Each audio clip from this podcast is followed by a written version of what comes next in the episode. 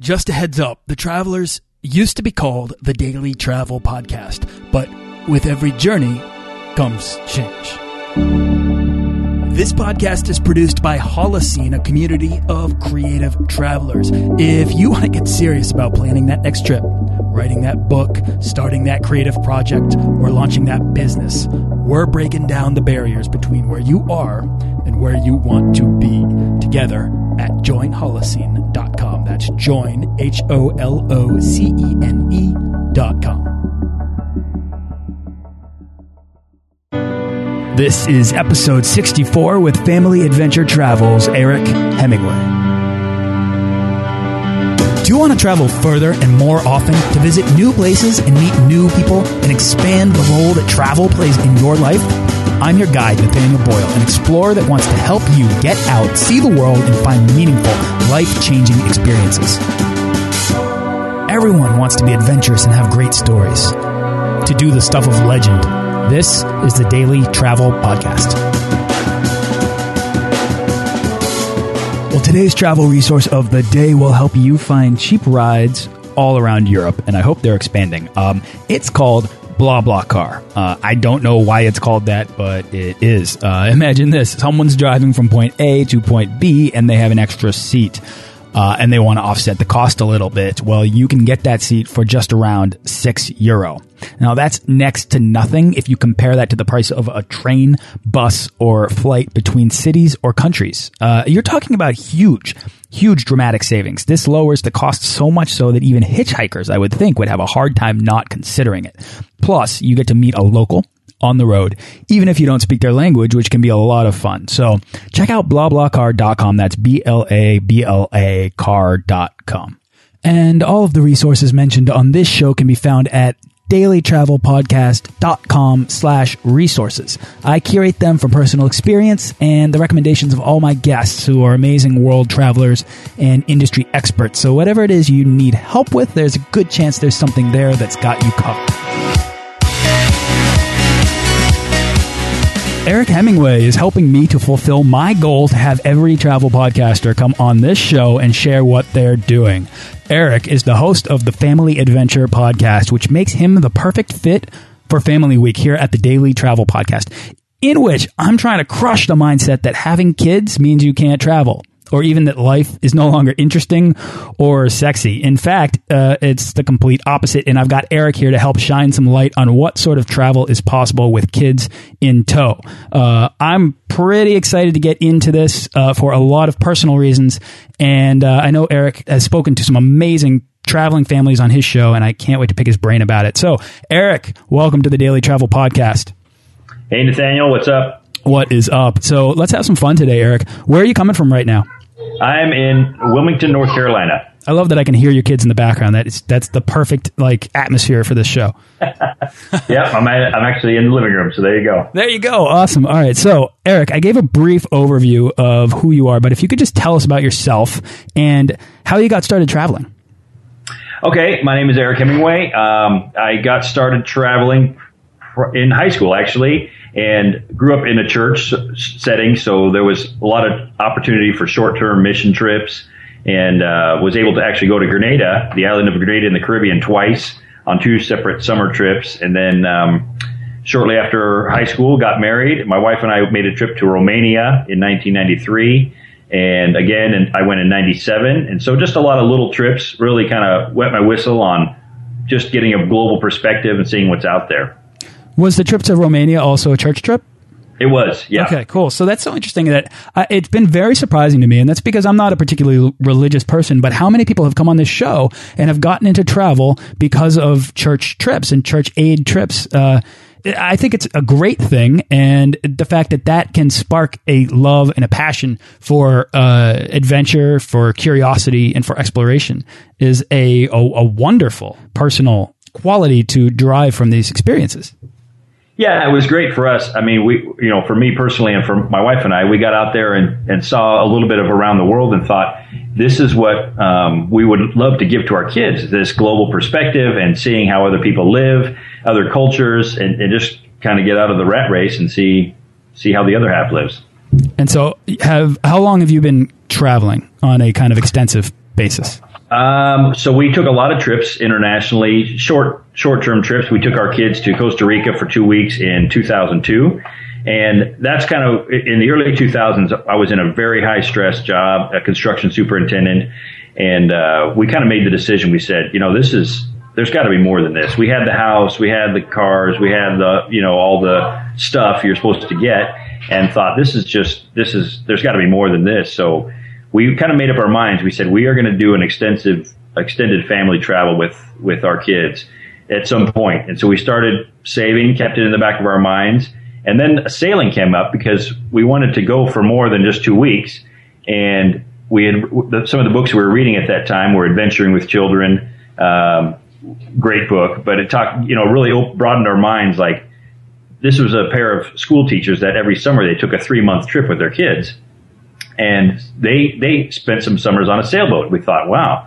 We're originally from Arizona, so we thought, well, there's obviously no way we're going to get a sailing experience here, but what if what if we lived on a sailboat? So we kind of tucked that away, and then um, you know things went on and on. Still still doing our our treadmill thing, and then fast forward to 2008, we had an opportunity to move to Costa Rica, um, work related on a for a construction project. So we said maybe this is maybe this is our way, you know, out of uh, to, to explore the world. So we moved to Costa Rica for a year and a half and um, had a construction company there. And then, you know, th- this was right during the, you know, the beginning of the recession. So as things were tailing off in the United States, um, a big part of those clients go to Costa Rica as well. And so things were slowing down there.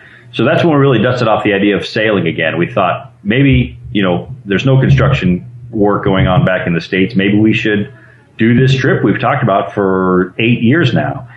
And uh, so the situation lined up perfectly. A lot of things fell into place.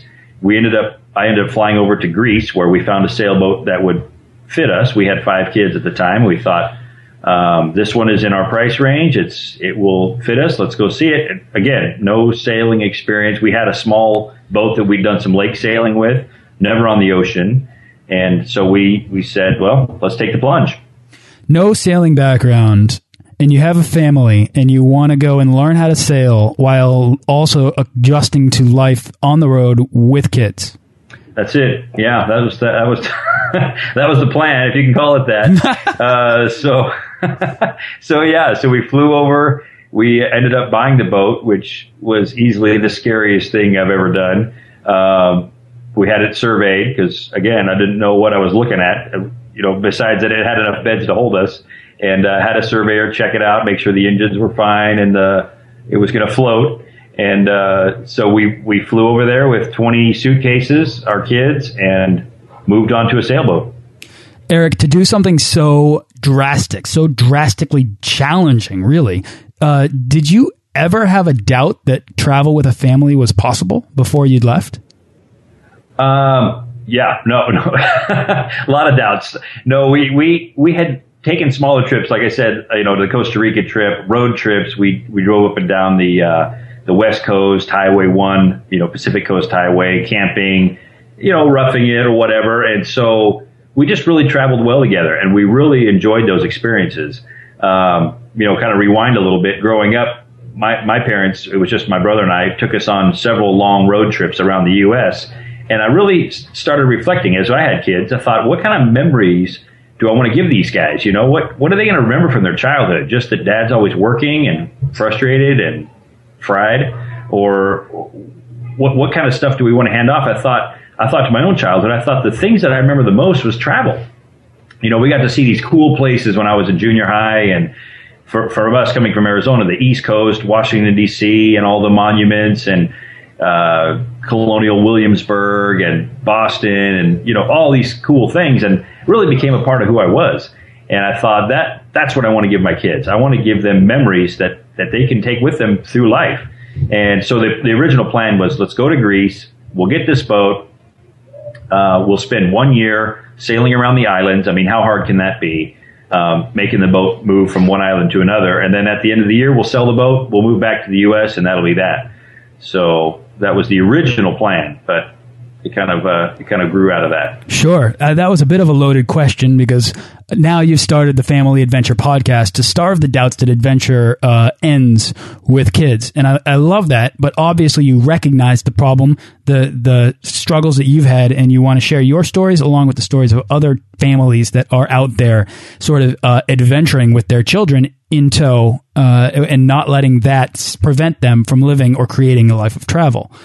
And I think that's a really cool, kind of noble thing that you're doing because a lot of people hesitate to have kids. I've met people and I've had people on the show that have said our relationship was growing and we knew we wanted to, to, you know, we got married and we wanted to buy a house. And then we said, well, wait a minute, should we buy a house and have kids or should we travel? And that's the choice, right? That's the choice that everyone thinks they have. But right what you're out trying to do is convince people that that's not actually the choice. There's actually a third choice in which you could do any myriad of those options and create your own life, create your own uh, definition of of uh, what family life is.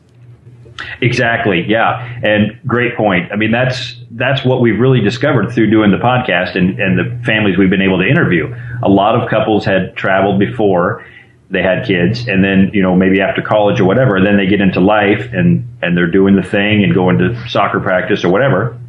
And they're just got this whole like man remember how awesome it was traveling? And listen here's what i'm i'm saying from personal experience.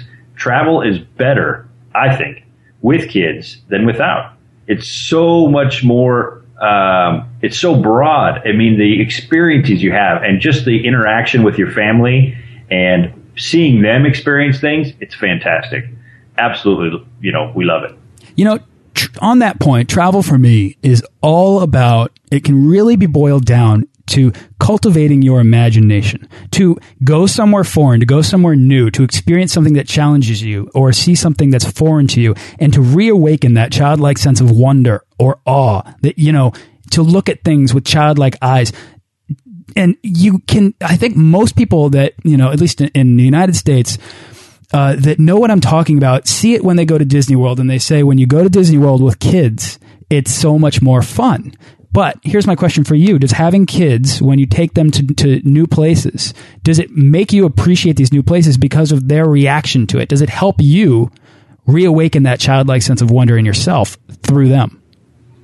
Uh, I'd, I'd say yes. Yeah, I, it does because you see things through their eyes a, a little bit. I mean, obviously, there's cool things to see, and the you know the Eiffel Tower or the the Pantheon or whatever it is. It, it's cool from an, an adult's point of view, but to see the things that they find interesting, it's it's you know the pigeons that are at a at a fountain or uh, the kids that they meet along the way. It's really it, it just is more balanced, I think, instead of just checking off these these monuments and okay, we saw that, we saw that, and you get a little bit jaded. Like you know, you, if you're in a, a lot of areas with a lot of tourists, you're like, well, you just kind of feel like a number. But with when you're a family, it's just this cool bond that that develops between everybody that you're on a team, you know, and it's and it's really awesome. I love that because it's almost as if your family, your kids, no, your family as a unit, and probably your kids as individuals have benefited from the effects of travel, you might call it. Hugely, yeah, hugely. So, so back to our trip. So we we spent the year. Well, actually, we were in Greece for several months, and um, you know, this is how naive we were. I mean, we were absolutely just as green as grass. We we, we didn't. We thought we were going to be sailing year round in the Mediterranean. So other boaters that we meet, um, and by the way, the boating community is fantastic. You know, just absolutely amazing people that you meet from all over the world. And they said, uh, "So where are you guys going to winter?" And we said, "Winter." You know, we're sailing all year. And they said, well, not in the Mediterranean. It's the weather gets bad. It's cold, a lot of storms. You know, you need to find somewhere to winter. So we're like, wow, okay. So, you know, we've been, this is, this is, sounds ridiculous, but so we said, okay. So, um, they said, well, you really, if you haven't been to Turkey, um, you know, we're, we're in the eastern part of Greece here, Greek, Grecian islands in the uh, Dodecanese Islands. And they said, you have to go to Turkey. I mean, it's amazing the architect, you know, the archaeological stuff and, and uh, just the people are really great and markets, you need to go. So we said, okay. So after four months in Greece, we went to Turkey and we stayed there, ended up staying there for eight months through the winter. And then we found out we were going to have a baby. So the idea was, you know, I told my wife, I said, well, you know, obviously if you feel more comfortable going back to the States, we'll put this thing on hold and uh, we'll dock the boat. We'll go back and have the baby and then decide what we want to do. And she said, well, you know, people have babies all over the world. I don't know why we can't just keep traveling and, and figure out figure this out. So we ended up calling around a lot of midwives on Skype, found an American midwife in Israel, and so we sailed to Israel and had the baby in Jerusalem and ended up staying there through a, a, a second winter, and then um, and then at, after that point decided well let's let's make our way west across the Mediterranean. So the, the whole trip ended up being about 16, 17,000 miles, nautical miles, and uh, 25 countries in about three and a half years. So that's amazing. Kind of, so that's a really courageous decision by your wife to stick it out and uh, continue on. She must have really been enjoying and appreciating the life that you guys had suddenly found yourselves living. Yeah, it was. I mean, it, she said she did say that. She said this is just really such a cool experience for the kids and a life, you know, once in a lifetime opportunity. And uh, we have to just keep going. You know, this is we're seeing some amazing things, and it's really um, we could see a lot of the benefits for our family. And so that was part of the decision to let's just let's just go for it. And we, Israel was one of the places we would like to have seen, and so this was a perfect excuse to sail over there, and and uh, we got to stay there for quite a while and, and see a lot of sights and meet a lot of great people there as well. Well, I would imagine that you, when you have a baby there and you have a newborn, uh, you probably stayed put in one destination, in one like one location in Jerusalem. I'm guessing for a uh, a short period of time at least. Yeah, yeah, we were we were we were volunteering for a nonprofit organization, and so there was an apartment that we were able to stay in, and that's where we had the baby. And then uh, as soon as we got the passport, the following spring, we we headed back out. So how old was the baby when you first started traveling? Miles, uh, let's see, Miles was when we got back on the sailboat. He was about seven months old, six months old. Oh, that's great. That's great. Yeah. So yeah. yeah, were you really itching at that time to get back out there? I was. Yeah, we were. Yeah, our, we, and our older kids, they were uh, 16 and 17 at the time, um, and or I'm sorry, 15 and 16, and so we're, you know, they were to the point where you know we want to start getting jobs, we want to get a car, we want to plan our future at some point. We're like, yeah, we know this can't last forever. I guess probably the best thing to do is make our way back to the States. Still not thinking we were going to sail across the Atlantic. But uh, we said, well, let's just sail west, um, you know, because we had only been to a handful of countries by that point. And so we sailed west, went to Malta, Sicily, Italy, Spain, uh, the Balearic Islands, and Gibraltar. And then by that point, we said, well, if we sail across the Mediterranean, okay, let's let's go for the Atlantic. And uh, again, it's the boating community. You know, we met a lot of people that were like, "Are you guys crossing this year?" We said, "Crossing what?" They said, "Crossing the Atlantic." And we like, "In this boat?" And they said, "Yeah, we, yeah, sure. There's boats like that out there all the time." And so, you know, we we we planned it out. We bought all the safety equipment, and we did a lot of research. And and uh, you know, it was a calculated decision. It wasn't uh, reckless, but we said, well, if we have, feel comfortable enough in our skills, by this time we've been on the boat for two years um, let's let's go for it. So we did. Wow. So what were the immediate challenges to having? Well, first, fifteen and sixteen year olds on the boat at you know at first, and then to have a six to seven month old on a boat. Uh, who is you know growing and probably becoming louder and more challenging? What were the what were the immediate challenges to adjusting to uh, caring for somebody that's so dependent on you and so fragile and uh, needs to be fed particular types of food and needs to be given diapers when you're on a boat. Uh, there's a lot. Of, there's a lot of complications here. How are you able to kind of adjust to those challenges? Well, it's a great it's a great uh, question, but it's a great environment for young children, for babies especially. Because I mean, there's a boat isn't as um, it can be made very homey. You know, it's it is your home. You're you're you're floating home. You know, your kitchen is there, your books, your music, your everything familiar, the kids' toys, and it, it really you just transport that little pod to different countries. You know, so it's very familiar. The baby uh, Miles slept in our room with us for you know a long time. Then he eventually moved to a little makeshift crib in our room, but uh, or cabin as it's called. But um, yeah, it was really it was really great and you know, with having kids all through the the range there, we had a couple, you know, eight or nine year old daughter at the time, and she was a huge help. And then the older kids were pretty much helping me sail. So, you know, Rachel, my wife, she was done sailing at that point. She was just full time with with Miles, and uh, the older kids really stepped up and they were the ones that helped me sail across the Atlantic. I mean, when you're sailing on a passage like that, somebody has to be awake 24 7, watching out for other boats, and you know you're under sail. There's no stopping. So, so Maggie and Levi, my older kids, they they really stepped up, and it was a huge confidence builder for them to to take on that role. I mean, at two o'clock in the morning, there's nobody awake on the boat except for my daughter, who's 16 and wearing foul weather gear in the cockpit and watching out for tanker ships. I mean, that's a that's a heavy responsibility, and uh, you know they just grew so much through that. It was uh, it was just great. How were you able to afford this if you're the only one working and supporting a family of five? And did you ever get any judgment or pushback from people who might have thought that you should settle down, get a job, and you know take care of your family in some sort of traditional sense? Um, for for the being able to afford it, um, as I mentioned, I was in uh, general contracting and and construction, and so we had kind of when we first originally thought of how we're going to finance a trip like this if we're going to go for just more than two weeks. Um, we started investing in real estate, and you know through the boom time there, we were able to do okay with some commercial buildings, and that was how we financed it. So basically, the whole time we were traveling, we were living on savings and some some small investments. So that it took a lot of planning and discipline to get to get to that point, but um, you know that was what we wanted to do. We weren't into the flashy cars and, and all of that kind of stuff. So we thought this is this is an investment. I was I was used to thinking of investments, you know, uh, construction, building homes, and that kind of thing. So I said this is an investment, but it's a different kind. We're investing in our family. We're taking this chunk of money, and instead of buying a, a rental property, we're going to put it on this boat, and we're going to put this money into this adventure, and and uh, we think it's going to be beneficial for all of us, and it was.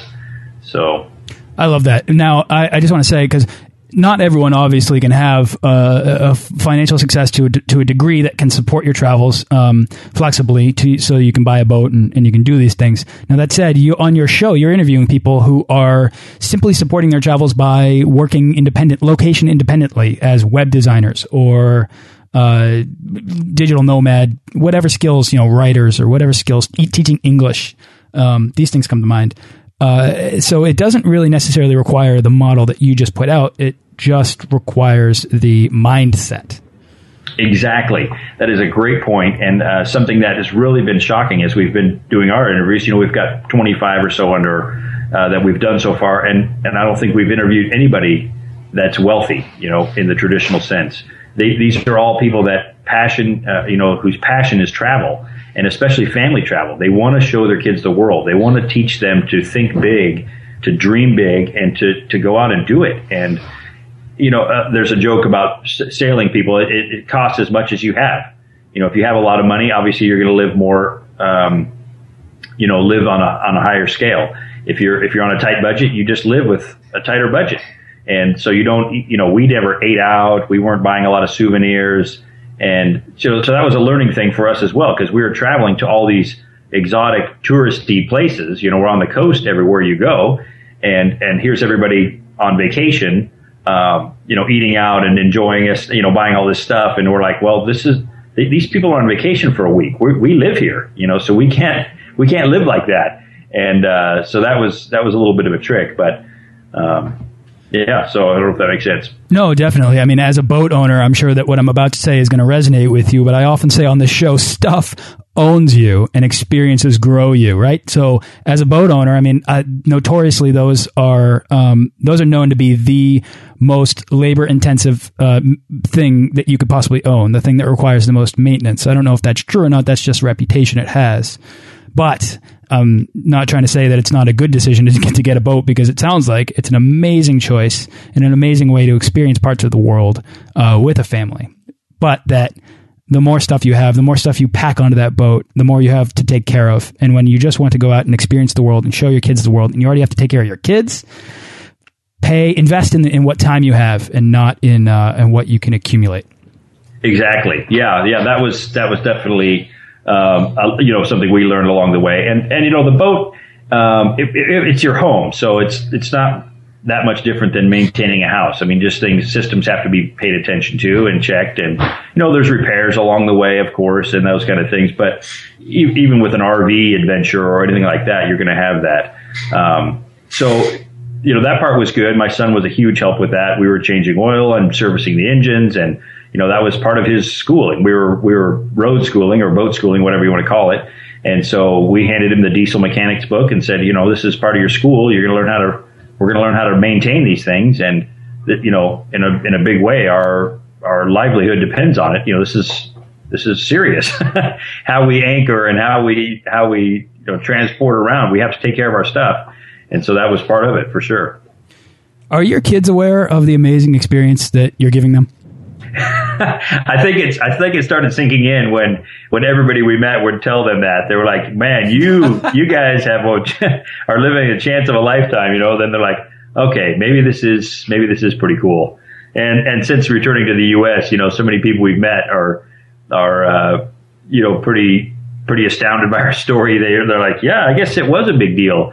But I think when, once it it'll really sink in when they get married and, and establish families of their own and they have kids, then we'll say, okay, now pick up and go buy a boat on the other side of the world, and and then that'll that'll really ring true. Man, you you guys weren't just brave; you were crazy. That's it. And uh, the one big takeaway that I'm getting from here is your desire to do it and your support for each other. You and your you and Rachel, your support for each other to get it done, even through thick and thin, even through pregnancy or whatever other challenges you haven't even mentioned on the show, relationship challenges or financial challenges or what you know, whatever. Uh, to to stick it out and to to understand that that the, your other half or, or, you know your other your other person in the relationship uh, probably needs this degree of exploration in order to maintain some degree of fulfillment in life. And to support that aspiration is is a really key thing. And that's probably something that your kids will have to look for in their uh, in their future. Exactly. Yeah. And you know obviously this was our idea together Rachel and I. It wasn't uh, you know, sometimes the guy's dream and we're going to do this and, and, you know, I don't care what anybody thinks or whatever. So there was a lot of discussions and a lot of late nights of us talking, you know, and, and trying to figure out, is this really what we, can we do this? And should we do this? And, um, in the end, it's like we, it, it, for the, us, the tipping point came when we, we had talked about it and, and talked about it with our kids. And it came to the point where if we don't do this or something drastic, uh, we're going to have some regrets and that was that was pretty much all I needed to push me over the edge. And like, yeah, I do not want regrets. And uh, you know, I, we've we've talked to a lot of people that have had regrets, and you know, they get older, and yeah, we were going to sail here, or we were going to do this, or we just never got around to it, and uh, you know, the kids are gone, and it's like, gosh, it just puts a pit in my stomach. That's it. This life is is your one opportunity to, to do the things that you dream to do. So do them big. Yeah, that's it. Yeah, I tell my kids all the time. I said, this is not this is not the practice run. This is the real thing. You know, this is life. So we're not practicing for the next go around. So you need to do what you want to do because um, this is it. Absolutely. Okay, Eric. Big news. Big news. Ready? I just had a baby girl three weeks ago. So, hey, congratulations. Thank you. So that's why I'm able to kind of, that's why I'm thrilled to have you on to ask you this stuff. So, uh, I guess my travel days aren't over after all. Absolutely not. Well, I mean, right for the next month probably, but uh, no, that's uh, yeah. You have got some great years ahead of you, that's for sure. And uh, yeah, I would start, you know, keeping it in the back of your mind what what you think you guys could do. I mean, there's uh, the sky's the limit, and and it's just a big world out there. So. Uh, there's a, there's a couple that I just interviewed on my show, and they traveled together as a couple for three, four years uh, straight, and then they had a baby in Mexico, and now they're currently in in Vienna, Austria. And she said the same thing. She said travel has been so much better. Now they're babies too, and they said travel's been so much better since the baby. It's just um, it's hard to put into words. That's an unbelievable thing. But you know what? You're putting it into words on your podcast and keep going because once you get that into words, once you crystallize the words out of that, people want to hear why. Because honestly, I'm sitting here with a three week old baby and I'm thinking, but how can I travel with this kid? Travel's all about giving yourself the permission to be free, right? And a life of travel is a life of freedom. But how can I be free when I have all this new responsibility, Eric? Right. Well, I mean, there's a difference between better and easier. you know, it, obviously the, the things necessarily won't be easier well, traveling with kids. There'll be frustrations, there'll be spills, there'll be, you know, things lost or broken, whatever. But I, I, I do, I still think in the end that it's better just because it, it'll change who you are. It'll change your child's life, your wife, your relationship, your everything. You know, we always say on this show to pack less so you can be flexible to go places. You know, limit yourself to one carry on bag. And I mean, I always thought maybe the same would be true of kids then, right? Like maybe I should limit myself to one kid. But how many kids do you have, Eric? Uh, we have six. Oh my goodness. Yeah. How do you do it? How do you, I mean, how can you continue to, to keep going, uh, after, I mean, after two? I, I'm honestly, that blows my mind. well, I, I mean, after three, you and your wife are already outnumbered. So what's, you know, at that point, what's the difference? no, I mean, th- people think the, the same thing all the time. You know, gosh, six kids, how do you do it? And, and, uh, because they know how much work one or two is, but, you know, we spread ours out over quite a few years. Our oldest is 20 and our youngest, Miles, he's three. So, uh, there's a big gap. And, you know, as, when we started having our third and fourth, we had older kids and, and it was a great, we'd always train them, but we're part of a family. You're part of a team. This is not a free ride. This is not a, you know, everything's brought to you and whatever you want. Uh, from the very beginning, we are saying, this is our family. You're joining our family and, and it's work for everybody. You know, nobody pays us to do the dishes or do the laundry. So, you know, we've always taught our kids to pitch in and help. And, and a part of that is just helping out with the younger siblings. Not that we, you know, obviously neglect our responsibilities, but it's it's a team effort, and it's great. It, it bonds them closer together. It bonds uh, all of us together. So so it wasn't like we had five or six toddlers at one time. Um, you know, as we had little guys, we had older ones to help take care of it, and um, you know, it's it's it's just worked out fantastic. I, I really enjoy the fact that we have you know spread out such a broad range, and uh, and we've got a three year old now who's it's just we, we get to start it all over again, the dreaming process and, and what kind of things can we do with him when he's 10 or 11 and maybe we'll take him on the rickshaw run, you know, at, across India or Fun. who knows what, the Trans-Siberian. There you go. There you go. You could do that. So, Eric, it sounds like your your family takes care of itself in a way that teaches the older kids a sense of responsibility while also uh, establishing them as a model for the younger kids to grow into. Exactly. Yeah, that's exactly right. And I, I think that's the way it should be. I mean, my two cents, whatever that's worth. Sure. But, um, that's why you are on the, show. The, the point of, of raising the kids is we want to teach them to be adults at some point. And, uh, you know, nobody hands adults anything. It, you, you work for what you get. And so that's, that's something we try to teach the kids is, you know, not not afraid of work. Work's not bad. It's just what it is, and and it's a tool to to go where you want and do what you want. So when it comes to work and responsibility, it sounds like you guys all have each other's back. But Eric, it can be really tough to raise kids, especially young kids, because of all the stuff. The stuff that you accumulate makes things easier uh, to to to raise the kids. Uh, how can you travel with little kids or babies with without a pack and play or a car seat or a rocker or a yoga ball or all the, uh, safety stuff that you need, or the kids, the toys, the books, the games, all these things you accumulate to make parenting a, ba a baby or little kids much easier for yourself? I don't know. I think a lot of it's marketing. You know, we came back to the States and we're just shocked at, at all the stuff there was. You know, there's like eight different kinds of swings and, you know, all yeah. these high chairs, medium chairs, you know, beds that fold into strollers and car seats. It's crazy, you know. I mean, I mean, for Miles, we basically had a you know a handful of toys, and then he had this little makeshift bed, and that was it. I mean, we had a little seat that he would sit in and eat his food or whatever, and it's just surprising how how little you really need. And I guess that's that want need line, and where does that where does that get crossed? I don't know, you know, but. Um, it, it's hard to say. I guess it's an individual choice, but I don't, I don't, I certainly don't think you need to tote everything that that we're told we quote unquote need uh, with you. I think kids are pretty pretty flexible, pretty adaptable.